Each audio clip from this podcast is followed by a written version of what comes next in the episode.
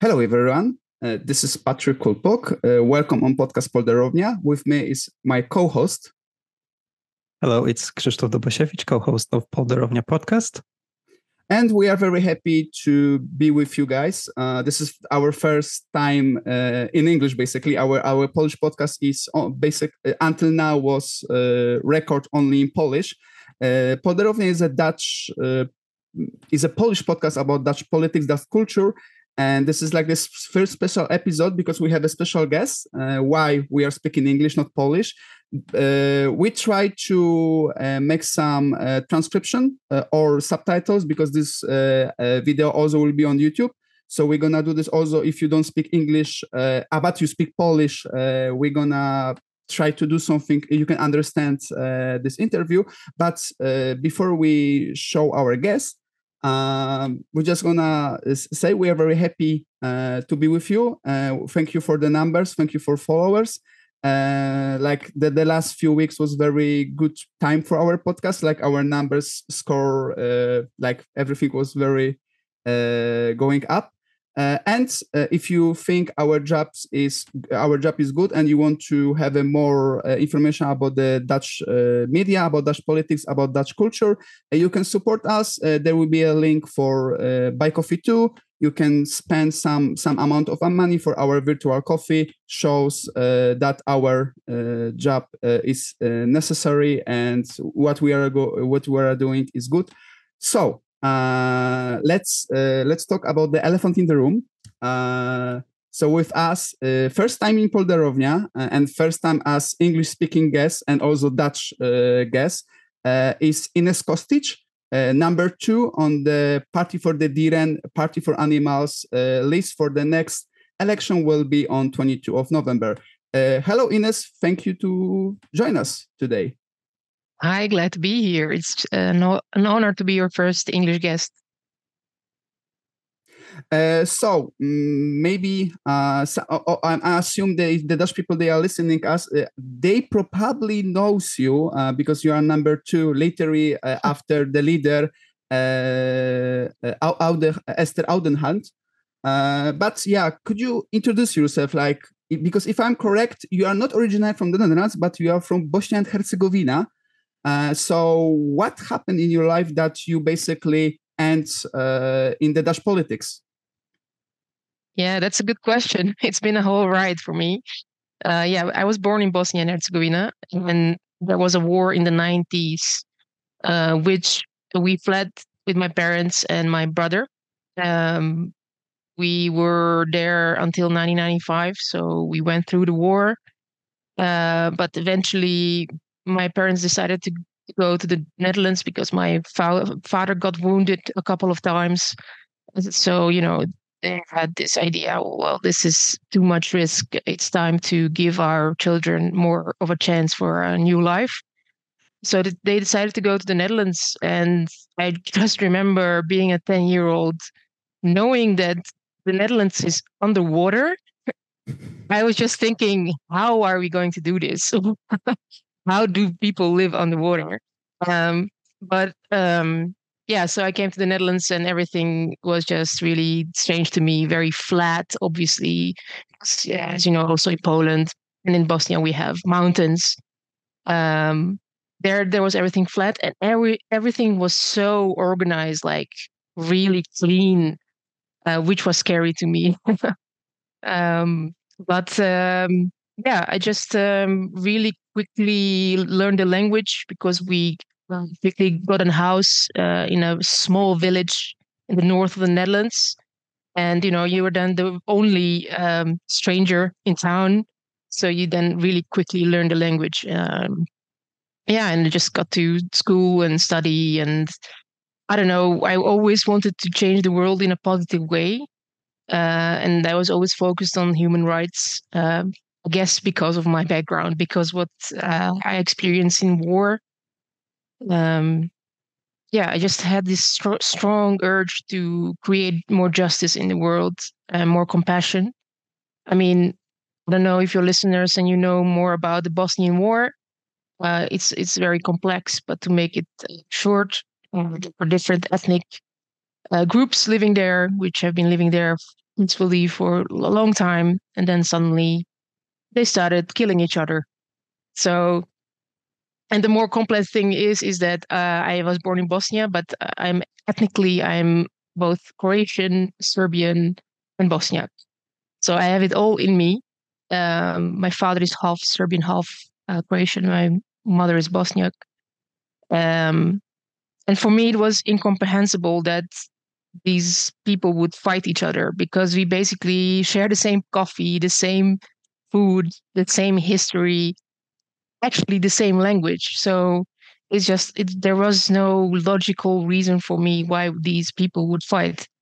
Um, so yeah, that's kind of lesson that I took from the war is that you should always look at the humanity in each other and never forget that we are all living beings just you know looking for a safe place uh, and a future and that's what connects it all so that's what i took to the netherlands and you know started working with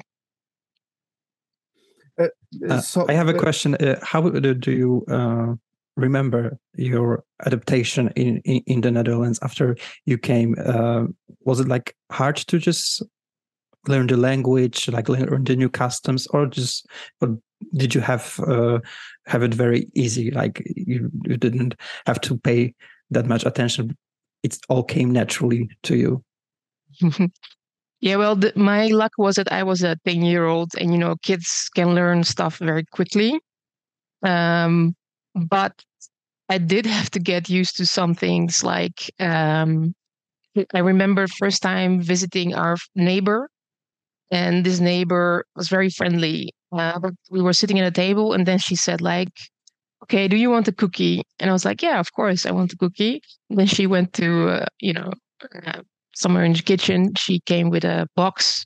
She opened the box. There were cookies there, so she, you know, handed out cookies one each to every person on the table. Then she closed the box and they put it back in the kitchen. I was like, this would never happen in Bosnia. That, when guests come, very Dutch, yes, indeed. it, it's, it's literally nothing to do with the Slavic culture, yeah. Exactly, you know it. You know it. When when people come to our Bosnian place, you know there's a lot of food and drinks, and you know it's just on the table there. Everybody can grab it. So that's that was something I um, I had to get used to. But I, I learned the language quickly, even though it's difficult because I was young and because I, I was just very interested in languages. Uh, and I must say that when we came to the Netherlands for the first time, you of course go to this, um, how, how do you say, like refugee camp center, mm-hmm. refugee center. Um, and there is very, very little schooling there. So there was sort of a school, but it was basically nothing. So what I did is just get a free um, uh, dictionary from Bosnian to Dutch. Um, and I just started learning random words. That helped me more than the school they had there at the refugee center. Um, and then when I moved to the little town, then of course, uh, at a real school, I, I got help from uh, local volunteers, mother, a mother, Dutch mother, who helped me learn the language a bit quicker. So, yeah, that uh, went smoothly. But the whole culture thing, it was strange to me. Uh, uh, so, if I'm correct, uh, basically your parents and your brother and you you didn't speak at all any other language before you you flew uh, from Bosnia to Netherlands, or you like you know like English, for example. Yeah, my my parents uh, know English uh, oh. on like a basic level, um, and I knew English a bit as well because of cartoons. we watched Cartoon Network uh, at that moment sometimes, and it was like was in English, subtitled in Bosnian. So as a child, you learned English. I know that I when I went to the Dutch school, um, the 10, 11 year, year old, I knew English better than my classmates. So yeah, sometimes watching uh, cartoons is good yeah th- th- this is basically a different because in in poland they are still making this is called lector in polish so it's basically there's one person who is reading the entire text the, the entire subtitles uh, and it's yeah. put on the like the original voice uh, original track is a little bit going down uh, and the Polish is on the uh, put on this, so you can still hear the original voices in the background, but oh. it doesn't oh. help or doesn't help you to, to learn the language. Yeah, because in like in the Netherlands, if you something is in English, uh, it's they they have a subtitles. Yeah. Yeah, yeah, yeah. No, I I like that last system because yeah, you can learn more of languages, so it's better. So I have a, a question. Uh, when did you start to get involved in politics? Like, was it on the local level or maybe in, in high school? Uh, what made made you interested in, in politics and um, which topics, maybe besides human rights, were important uh, for you when you uh, realized that that politics is important? Mm -hmm. yeah. And one more question: Where did you grow up uh, in in the Netherlands? Yeah. Because you mentioned just the village, but but where exactly? Yeah, in which province and or like which village? Yeah. So to answer that last question first, um, I when I was ten, we first came to the refugee center that was in The Hague, a big city. We were there only for a couple of months. We were lucky because I know that I met uh, children like me who were there for already two years, waiting for yeah decisions to be made. Uh, but we got a decision really quickly for some reason, and then we got a house in Niekerk, which is a small town in the north of the Netherlands. And I don't know if you know it, relatively close to the city of Groningen. And ah, so pro- the, province province Groningen. Yeah, exactly. Yeah. So uh, I lived there, and we um, when I went to middle school, I went I I went for one year to Groningen, and then after that we moved as a family to Emmen, which is in Drenthe. Um, so we got a taste of that as well. So most of my teenage years were spent there. And after that, my parents basically moved to Almere, which is Flevoland. Um, and I was there for a very short time, but I quickly moved on my own to the city of Groningen to study there. Uh, so yeah, and there again, my journey of basically discovering myself and also discovering what I actually wanted to do with the capacities that I have. So to come back to the first question, how did I discover politics? Um, like I said, for me, it was always important to contribute to a more positive, compassionate world. But I was mostly focused on human rights because I saw a lot of, you know, wars and injustice. Um, so I went to a lot of protests. Uh, I wrote for Amnesty International, etc. Um, but and I knew that politics was important in the sense that everything we do is politics, right? It it touches upon all all, all of our lives. Um, so uh, when I went to Groningen to study, I studied um, international relations, which is basically international politics. Um, and yeah, so I studied that for a reason that I wanted to to change the policies. Although I always thought that I couldn't change, really make a positive change if I went into politics myself as a politician. I was always thinking, okay, Uh, have to work for an NGO or the European Union or something like that. That's a much more efficient way to make a change because what I saw in politics is that you have all these parties, and obviously I also had some preferences when it comes to political parties when when I look at their programs. But then I looked what they actually did. So the difference between words and deeds. And then I saw that they were too quick on compromising on their basic core ideals, too quick on giving up on, you know, that ideal of really creating positive change. So for me, it was all like 50 shades of D66. That's the Democratic Party in, in, in the Netherlands. They all kind of look like each other.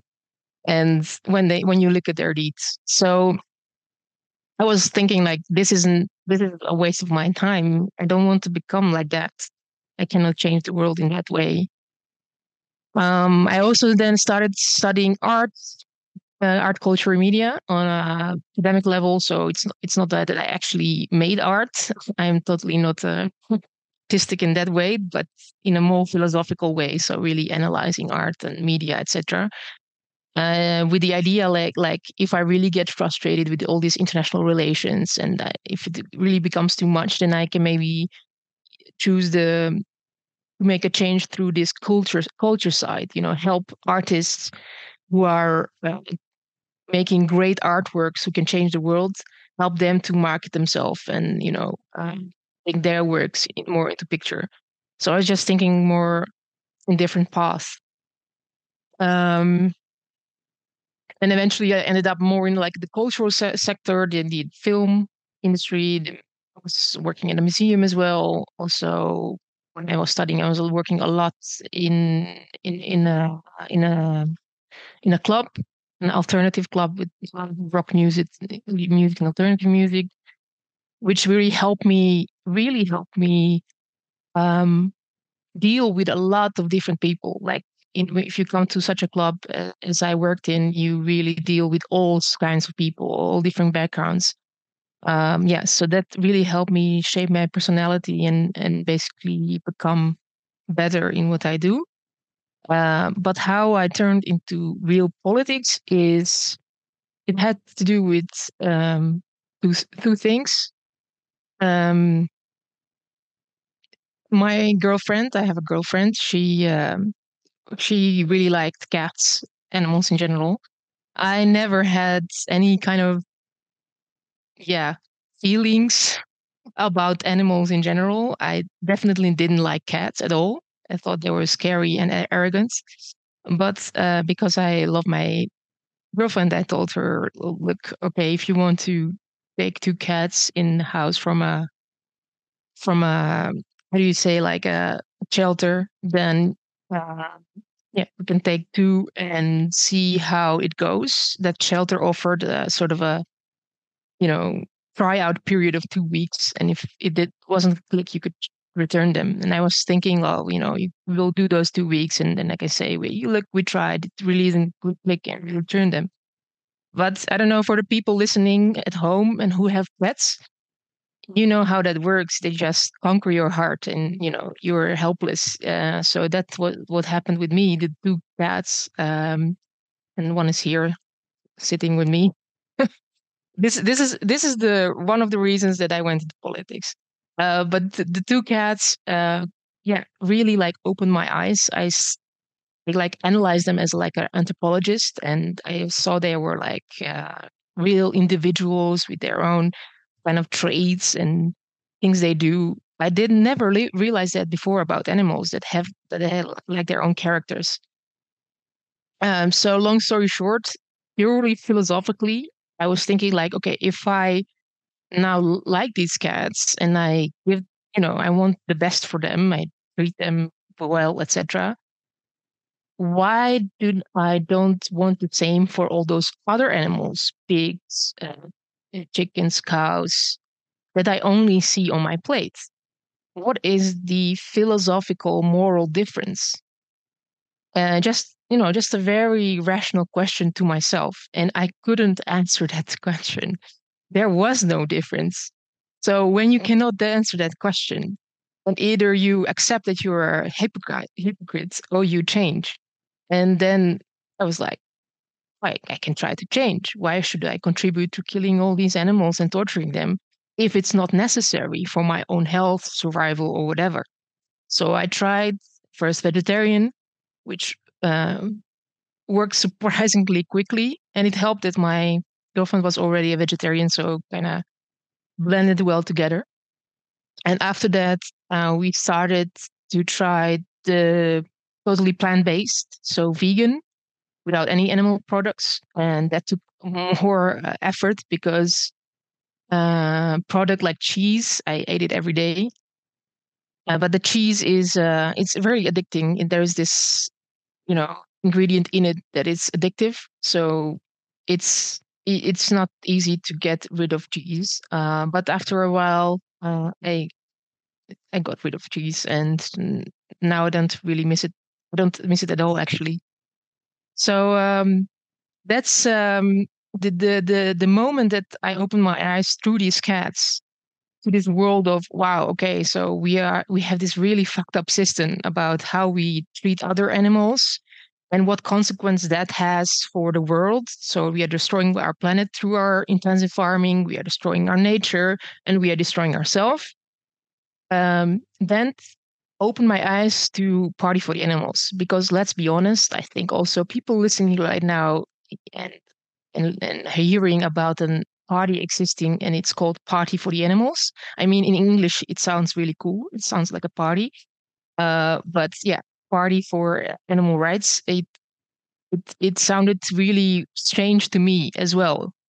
Um, so I, even I, who were very interested philosophically in politics and who always said, you have to read all the programs. If you can read all the political programs of all parties, you have to read them before you vote. I was always like that, but I never, never uh, read the, the Party for the Animals program because I couldn't look past the name. Um, so since the cats, I, I, I was also confronted with my own hypocrisy when it comes to that, and I just took the time to read the program, and then I opened, yeah, it really opened my eyes towards what Party for the Animals is, and that's a very, very proud party. I would dare to say it's the party that has the most broad vision on our whole society and the whole the world. It's one of the few parties, maybe the only parties that looks past what we are doing here in the Netherlands or in European Union, but it really looks on what are what we are doing here, what kind of impact has does that have in other countries where we are, you know, using um, resources, um, etc. So it opened my eyes, and then I was like, okay, this is a really good program. It has a really good vision. Vision is important because sometimes parties don't really have a vision. But then you that's the most important thing which I missed in other parties is the acts. So we were talking about uh, words, and you want to have acts and deeds. And that was the most interesting to me as a political scientist is that the role of the Party for the Animals in the political landscape is so unique. Uh, so beyond these 50 shades of D66, um, they have this role of being the pacer in the marathon, which, you know, making the rest run faster for a better world.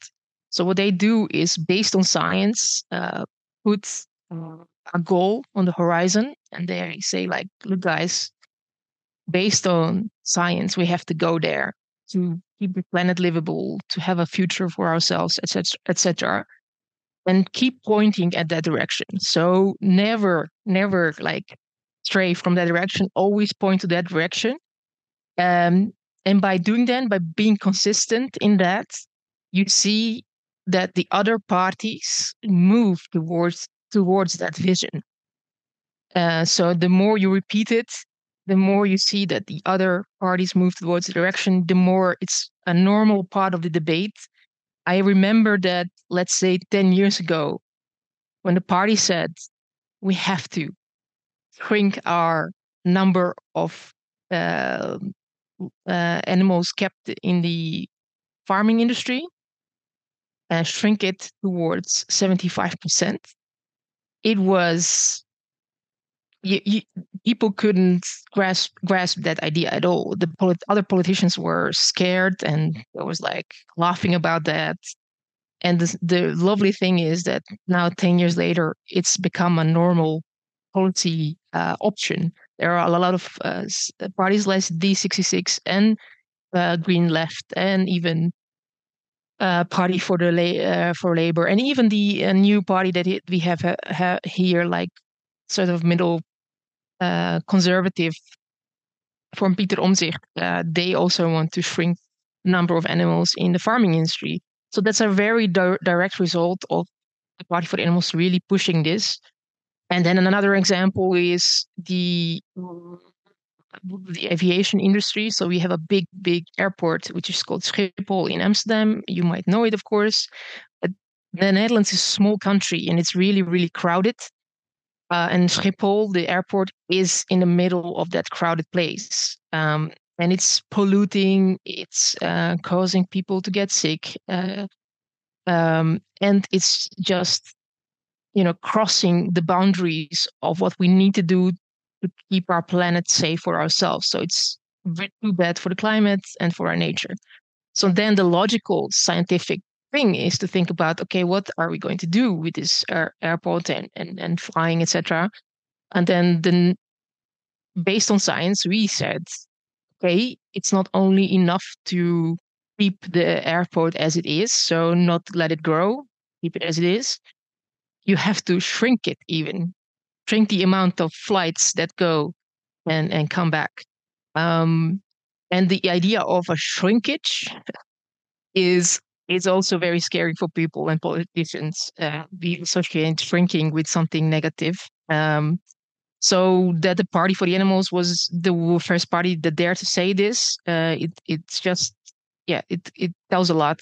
And the nice thing is that again, after a few years, you see that the Green Left and the uh, and some other parties are are saying the same thing, and it's even become uh, one of the normal policy options for the for the current government.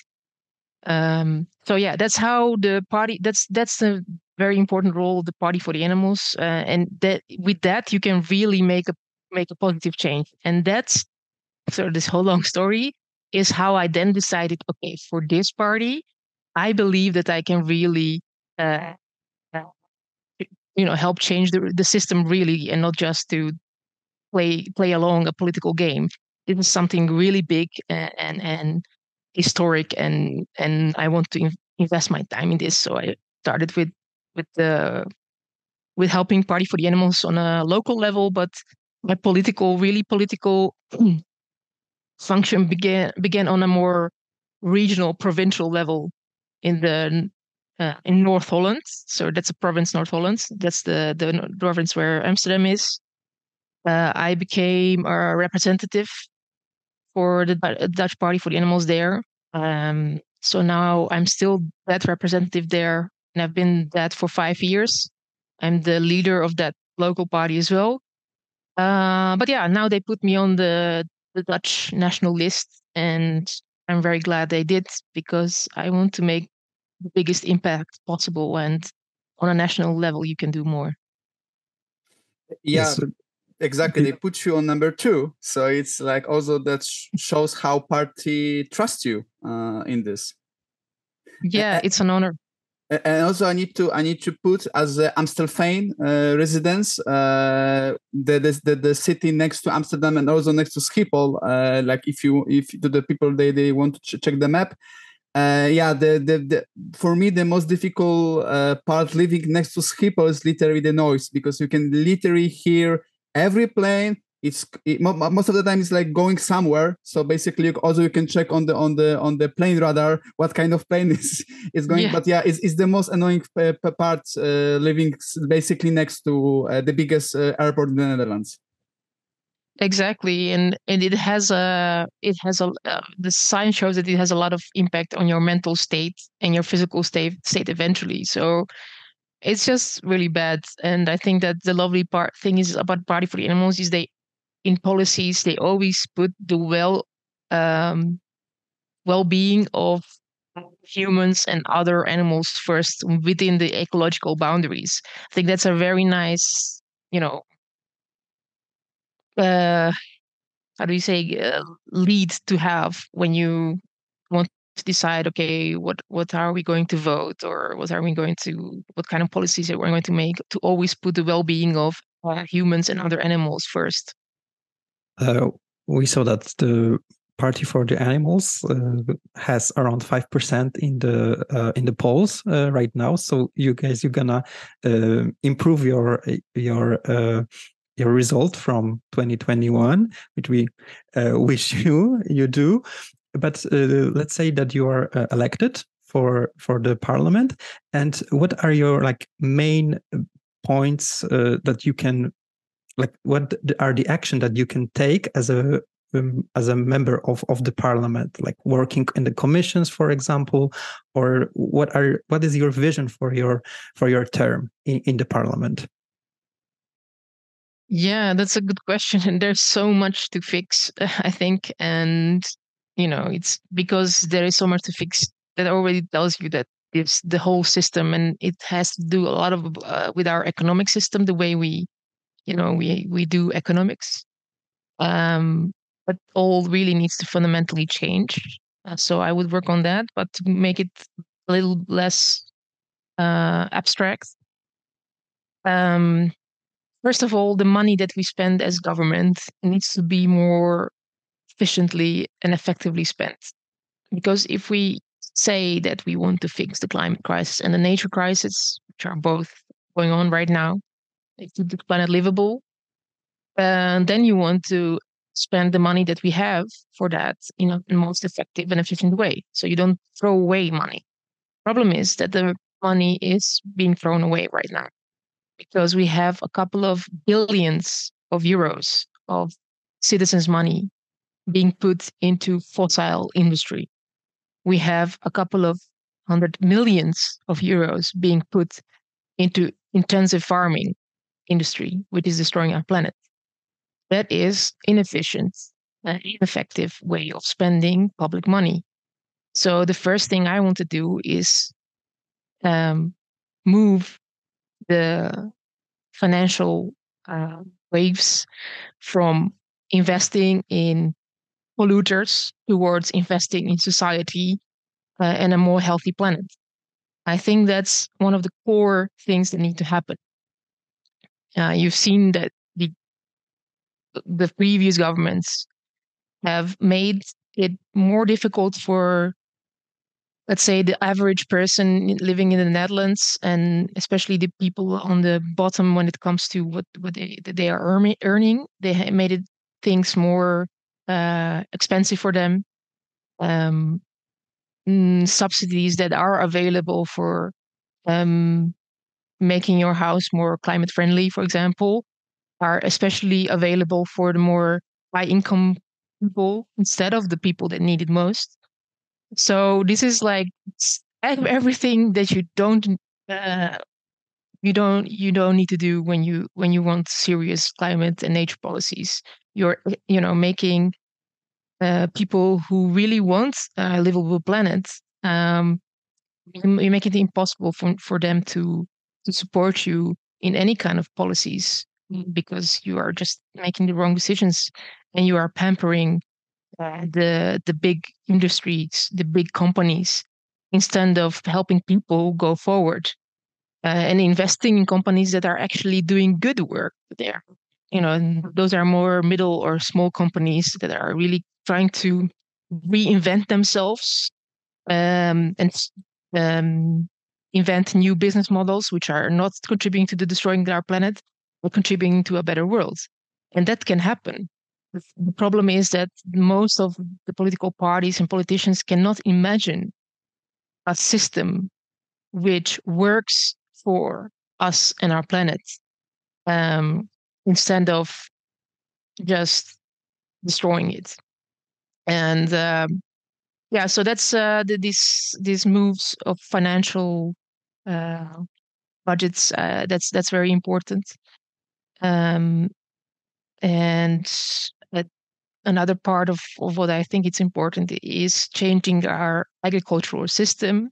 Uh, we talked about this before, uh, not only because of the animals, which is very very important to to say because we are in the Netherlands only we kill 500 million animals per year, more than 500 million animals per year. 500 million animals per year.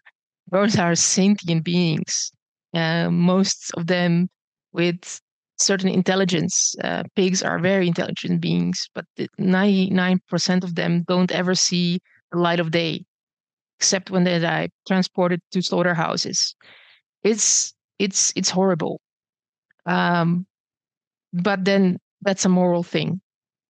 But next to that, the, this same industry is one of the biggest contributor to uh, climate crisis. It's also contributing to the nature crisis. For example, because all these animals that I talked about need to be fed, right? They need to be fed and they eat a lot, I can tell you. And they eat a lot more than a human. So, how do you feed these animals? You have to grow crops. You have to grow crop, crops usually on uh, land that can also be used to feed humans directly. instead of feeding animals.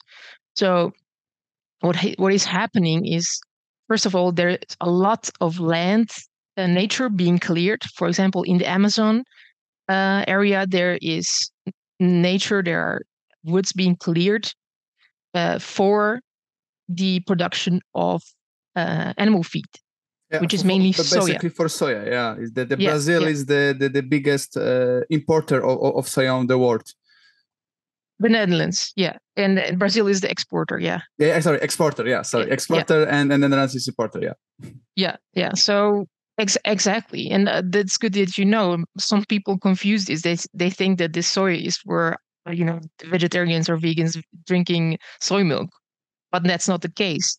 Most of the soy uh, is for soy feed, um, and that's that's a real huge problem. It's destroying our nature, and that you know worsens the climate crisis and our chances to, of survival. Uh, and most of the land is used for these uh, animal feed, so you are using land ineffectively. It's contributing to world hunger because we are not using our land effectively.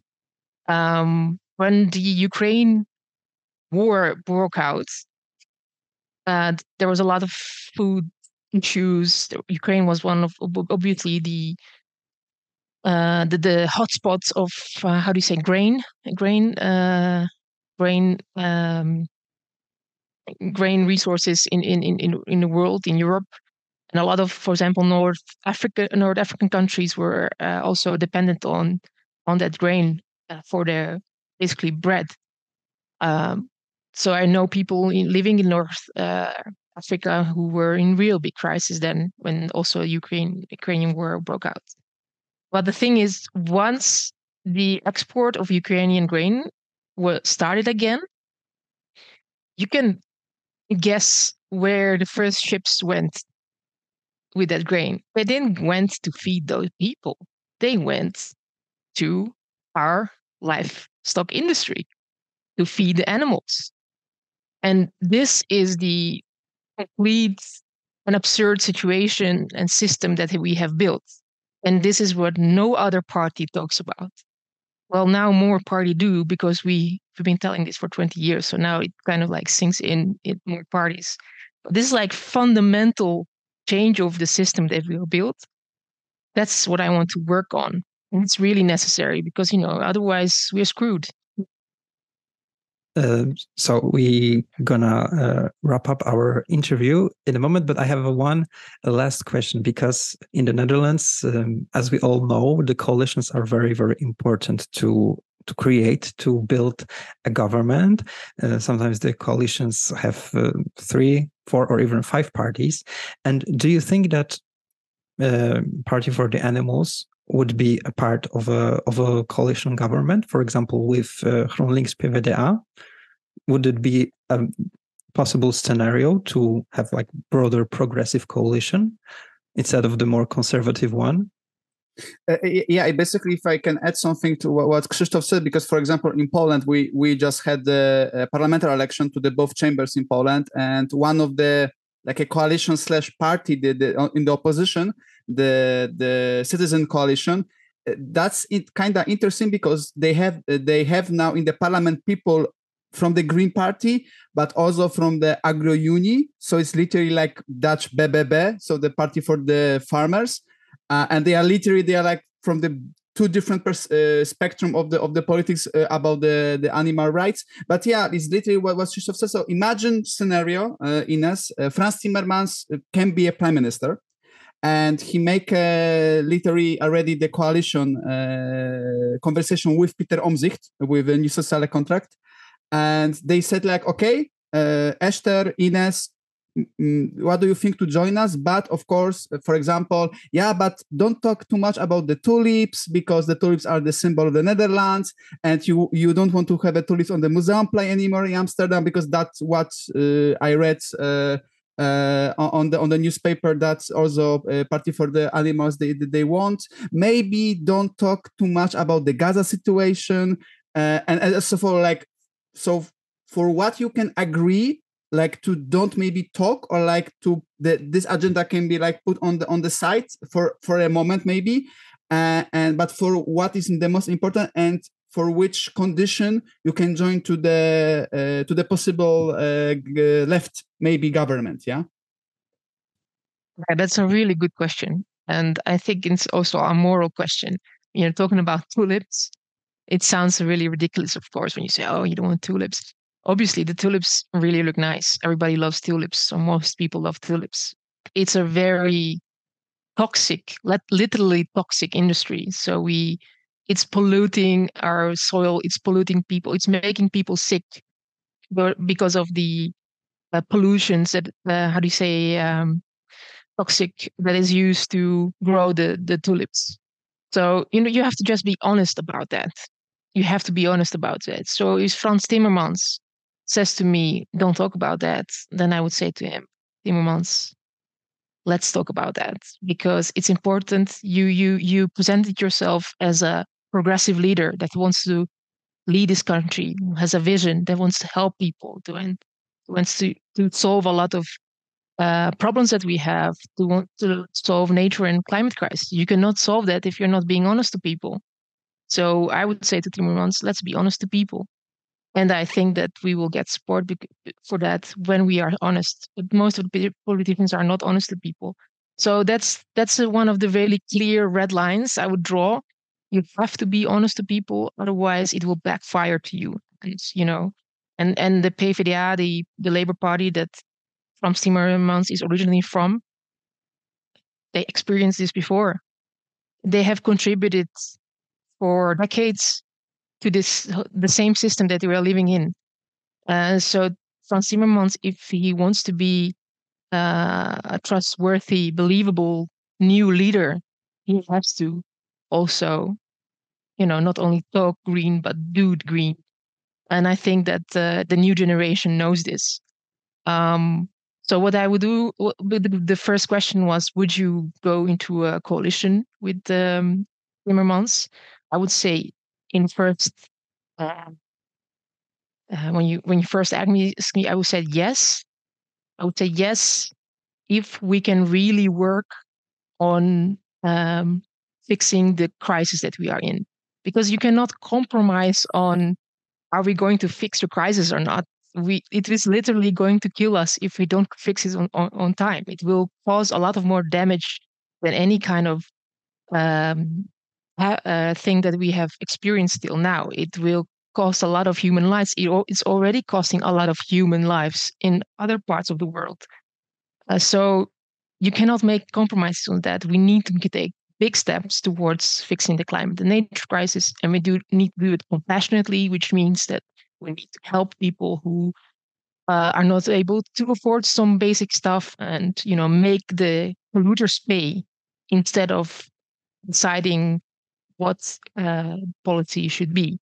So those are the clear red lines: human rights, uh, compassion, and fixing the crisis. And if we can do, that together, yes, please. I would love that. I mean, I'm in the Netherlands, in the North of Holland, in the province. I'm constantly pushing the Green Party and the Labour Party and the D66 uh, to, you know, work together and make the policies better. Uh, that's what I do most of the time. That's what costs me a lot of time, but it's worth it. And uh, yeah, so yes, please, uh, we will go into a coalition if we get fix that together. And if if that doesn't work, if if the Labour Party makes the same mistakes as they did in the in the in history, then we will uh, try to work together with them from the position of opposition, and we will try to keep them sharp and make them do better in in their position of uh, coalition. We'll try to help them move the good way. So that that's that's it. I'm not here to play any political games. I don't care about becoming a minister or whatever. I just want a better place for us all. That's basically it. So the things the things that you you're saying are reminding me uh, the situation that we are having right now in Poland after the elections. That uh, our leader Tusk he was also um, prime minister before, and his uh, government you know was very controversial and he's going to be uh, the prime minister right now. And you know our like our situation is a little bit shifted to the right in in, poland. So we actually from the very conservative nationalists to liberals. But you know as we say we have we're going to have also broad government with with also um, politicians like you we, who want uh, who want yeah. a real change. And it's going to be a lot of to to compromise because the, the, there's going to be a lot of christian democrats and liberals in that government. So it's it's very very similar. But you know you yeah. have this a little bit more to the left and to the progressive side.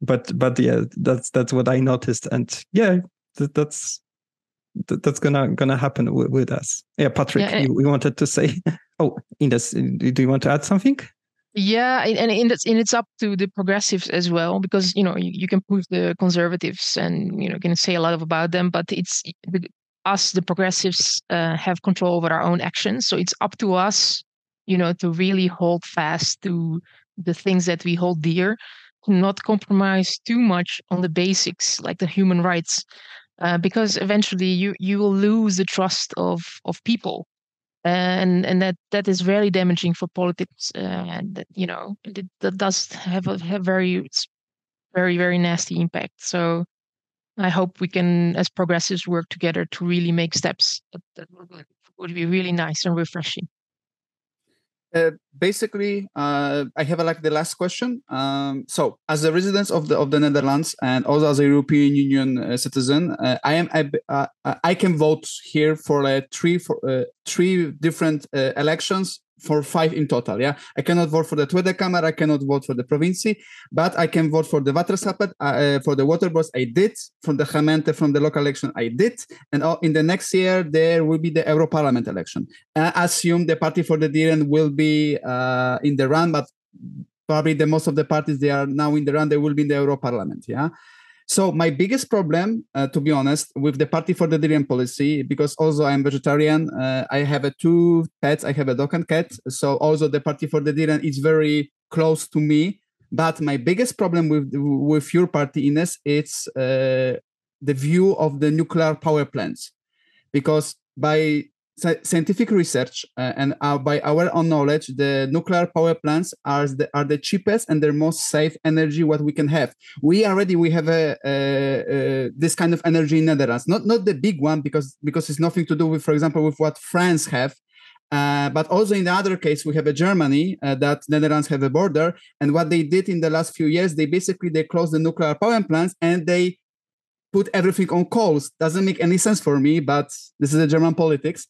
Uh, so why PVDD uh, has so much still problem with the with the nuclear power plants because uh, uh, as we know and also from the different the, last debates for example with the Frans Timmermans and Peter Omtzigt uh, Frans Timmermans is like more 50-50 maybe we can do this maybe not. Peter Omtzigt is very pro atom uh, basically that's funny thing because the right wing the right wingers party in, uh, in the Netherlands or centric party they are more pro atom than the left.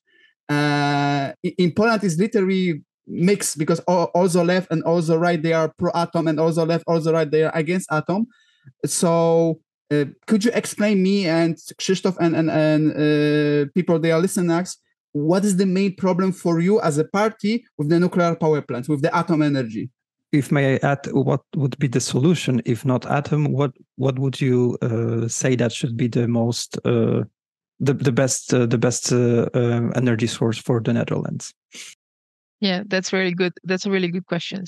I think there is a, a lot of opinions about this, and the scientific opinion is not that as a consensus as, as you just uh, sketched, because the the current Dutch government has made a study uh, from you know experts, and to advise them on what policy should, they should follow on this uh, nuclear energy. And the experts said in the Netherlands, so specifically in the case of the Netherlands, with all this, you know, being small and and and built and and crowded, it's first of all, it's it's it's too late, and it's too expensive. It's a bad idea because of all these things to build it in the Netherlands. So even when you disregard of what the possible positive or negative things are of nuclear power. According to experts, it's a bad idea to build it in the Netherlands. So that's one thing. The other thing is that I don't know if you know the term of red herring, but nuclear power is used by the right and the conservatives as a distraction from what we actually can do in a more short term to really fix the crisis that we have. Even if you would start building nuclear power plants right now, you would have to build thousands of them all of Euro- over Europe. Each of them costs billions. Each of them costs time.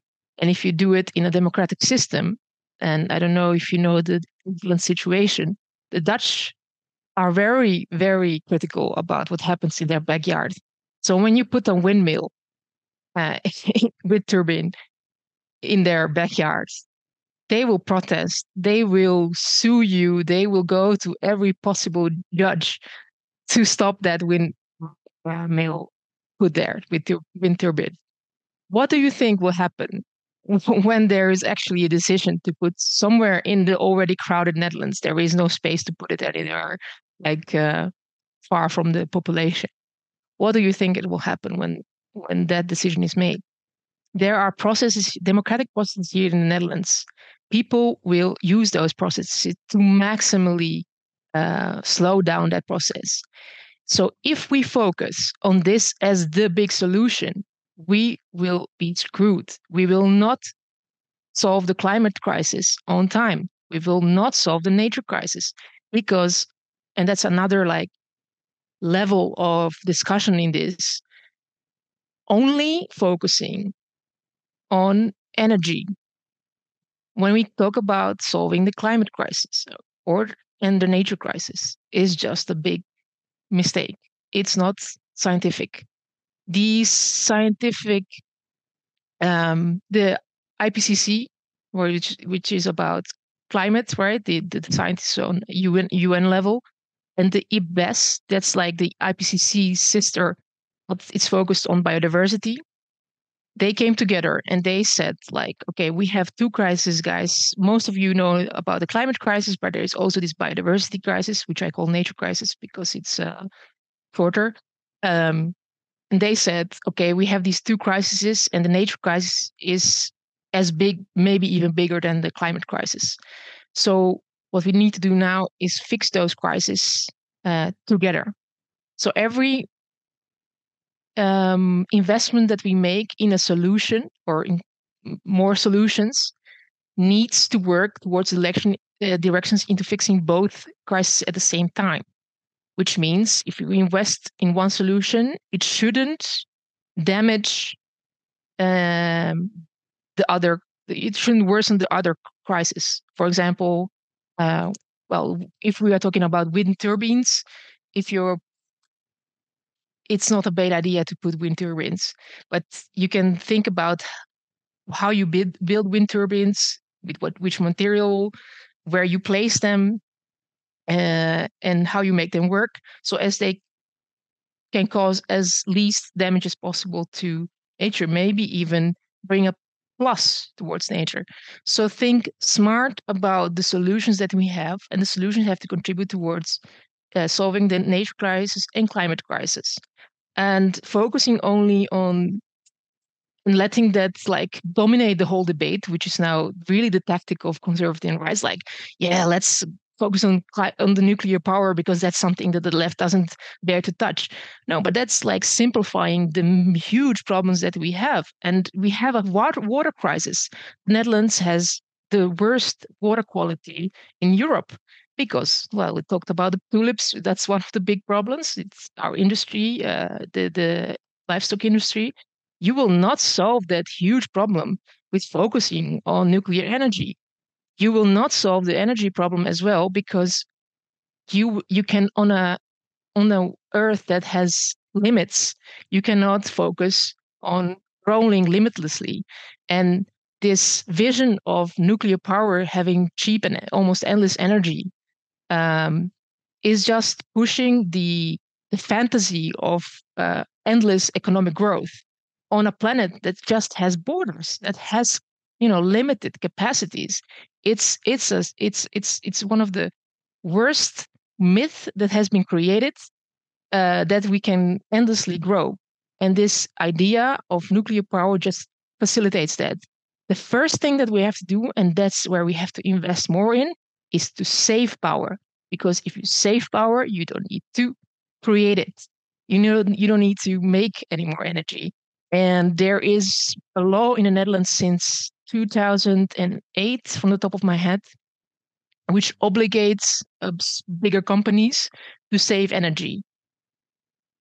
This law has not been turned into practice because the government refuses to actually uh, follow up on it. So, give, for example, the, uh, like how do you say, um, um, punish companies who don't follow that law. Uh, you you mean boeten? It's fee. boeten. Yeah, yeah, yeah. So so there is a law.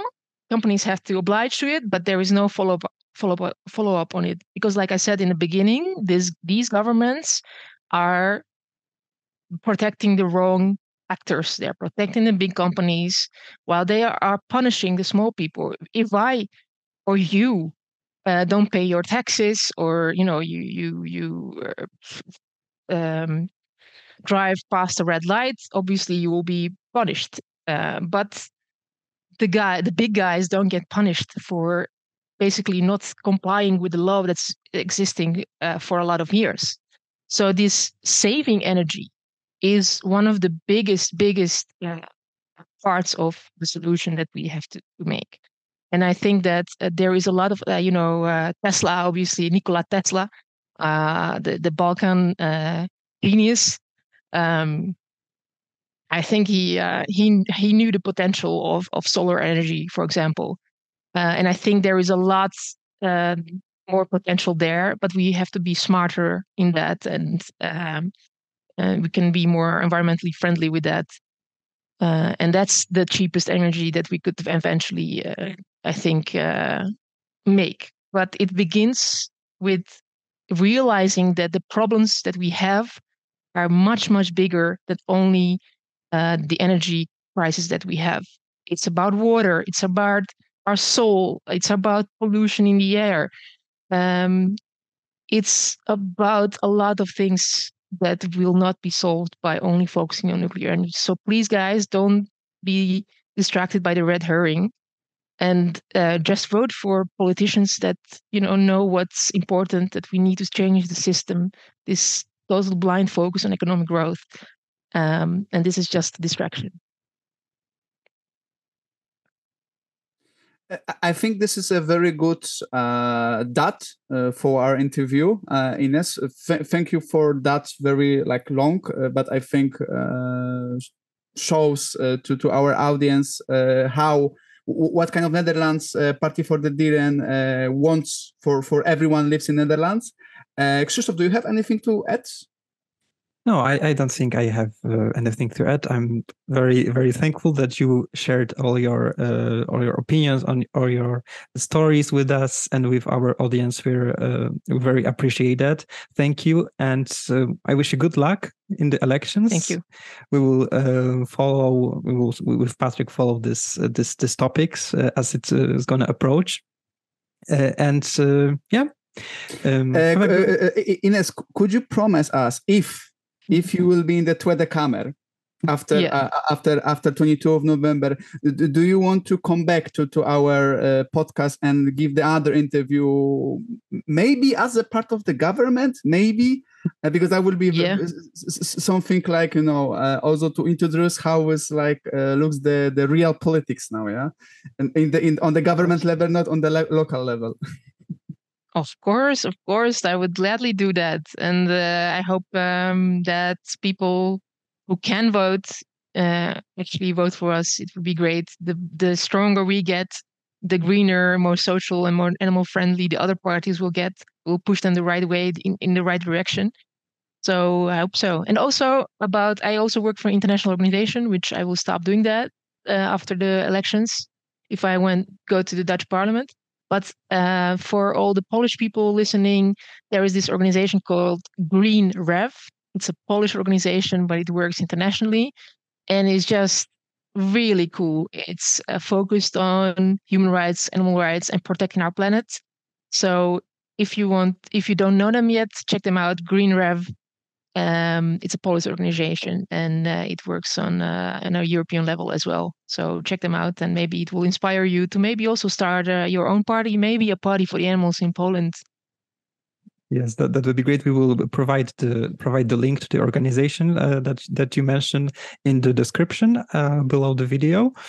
Uh, yes, I think Polish because um, to end we we had the election as we as we said, and the Greens are like so the party that it's like the closest to to to the ideals that you have and they're like below 1% in, in like the whole coalition you know because they started as a part of the broader coalition and they're those they have three members out of 460 so yes in, in poland we had like lots of lots of uh, problems with the environment and the green movement is basically non-existent. Also, our left uh, has uh, some ecological um, ecological uh, um, uh, basically the, the points. The, yeah, basically yes. the few current deputies from uh, the party Razem, it's mean together mm. in English. Uh, they used to be part of the Green. But they resigned and they yes. make their own party. Now they have six people in the uh, sorry, seven people in seven. the in, mm-hmm. the, seven people in the in the Tweede, I mean, in the second chamber. It's insane. Same. uh, and yeah. two people in Senate. Two women in Senate. Mm. Yes, All but right. it, I would say I would say it's uh, still like not not enough. Uh, you know, looking at the, all those issues that that we have we are obviously like bigger country like more spread out but also yeah. have the problems with air pollution uh, with uh, the water quality. We had the catastrophe on odra river last year that yeah. a lot of fish died. That's there is like a lot of a lot of stuff. So maybe i wish we we we will uh, we will push the this narrative as you said to to make uh, poland as well more more uh, sustainable. All right. Hope so uh, so yeah guys uh, thank you. You listen our podcast uh, our first episode uh, in english about dutch politics. And our guest was uh, Ines Kostić the sec the numbers two on the party for the dieren uh, list for the tweede kamer you, you, can you can uh, you, you can say Ines uh, bye to, to people if you want. Sorry, I thought you were closing. Okay, well, thank you so much, guys, for having me, and it was a really nice conversation. And uh, hi to your listeners. I hope to meet you in the field. I hope to meet you in the Netherlands, in Poland, somewhere in the world. And let's uh, fight together for a better world. Hey, thank you. Uh, thank you very much, and see you next time. See you. Bye bye. Um...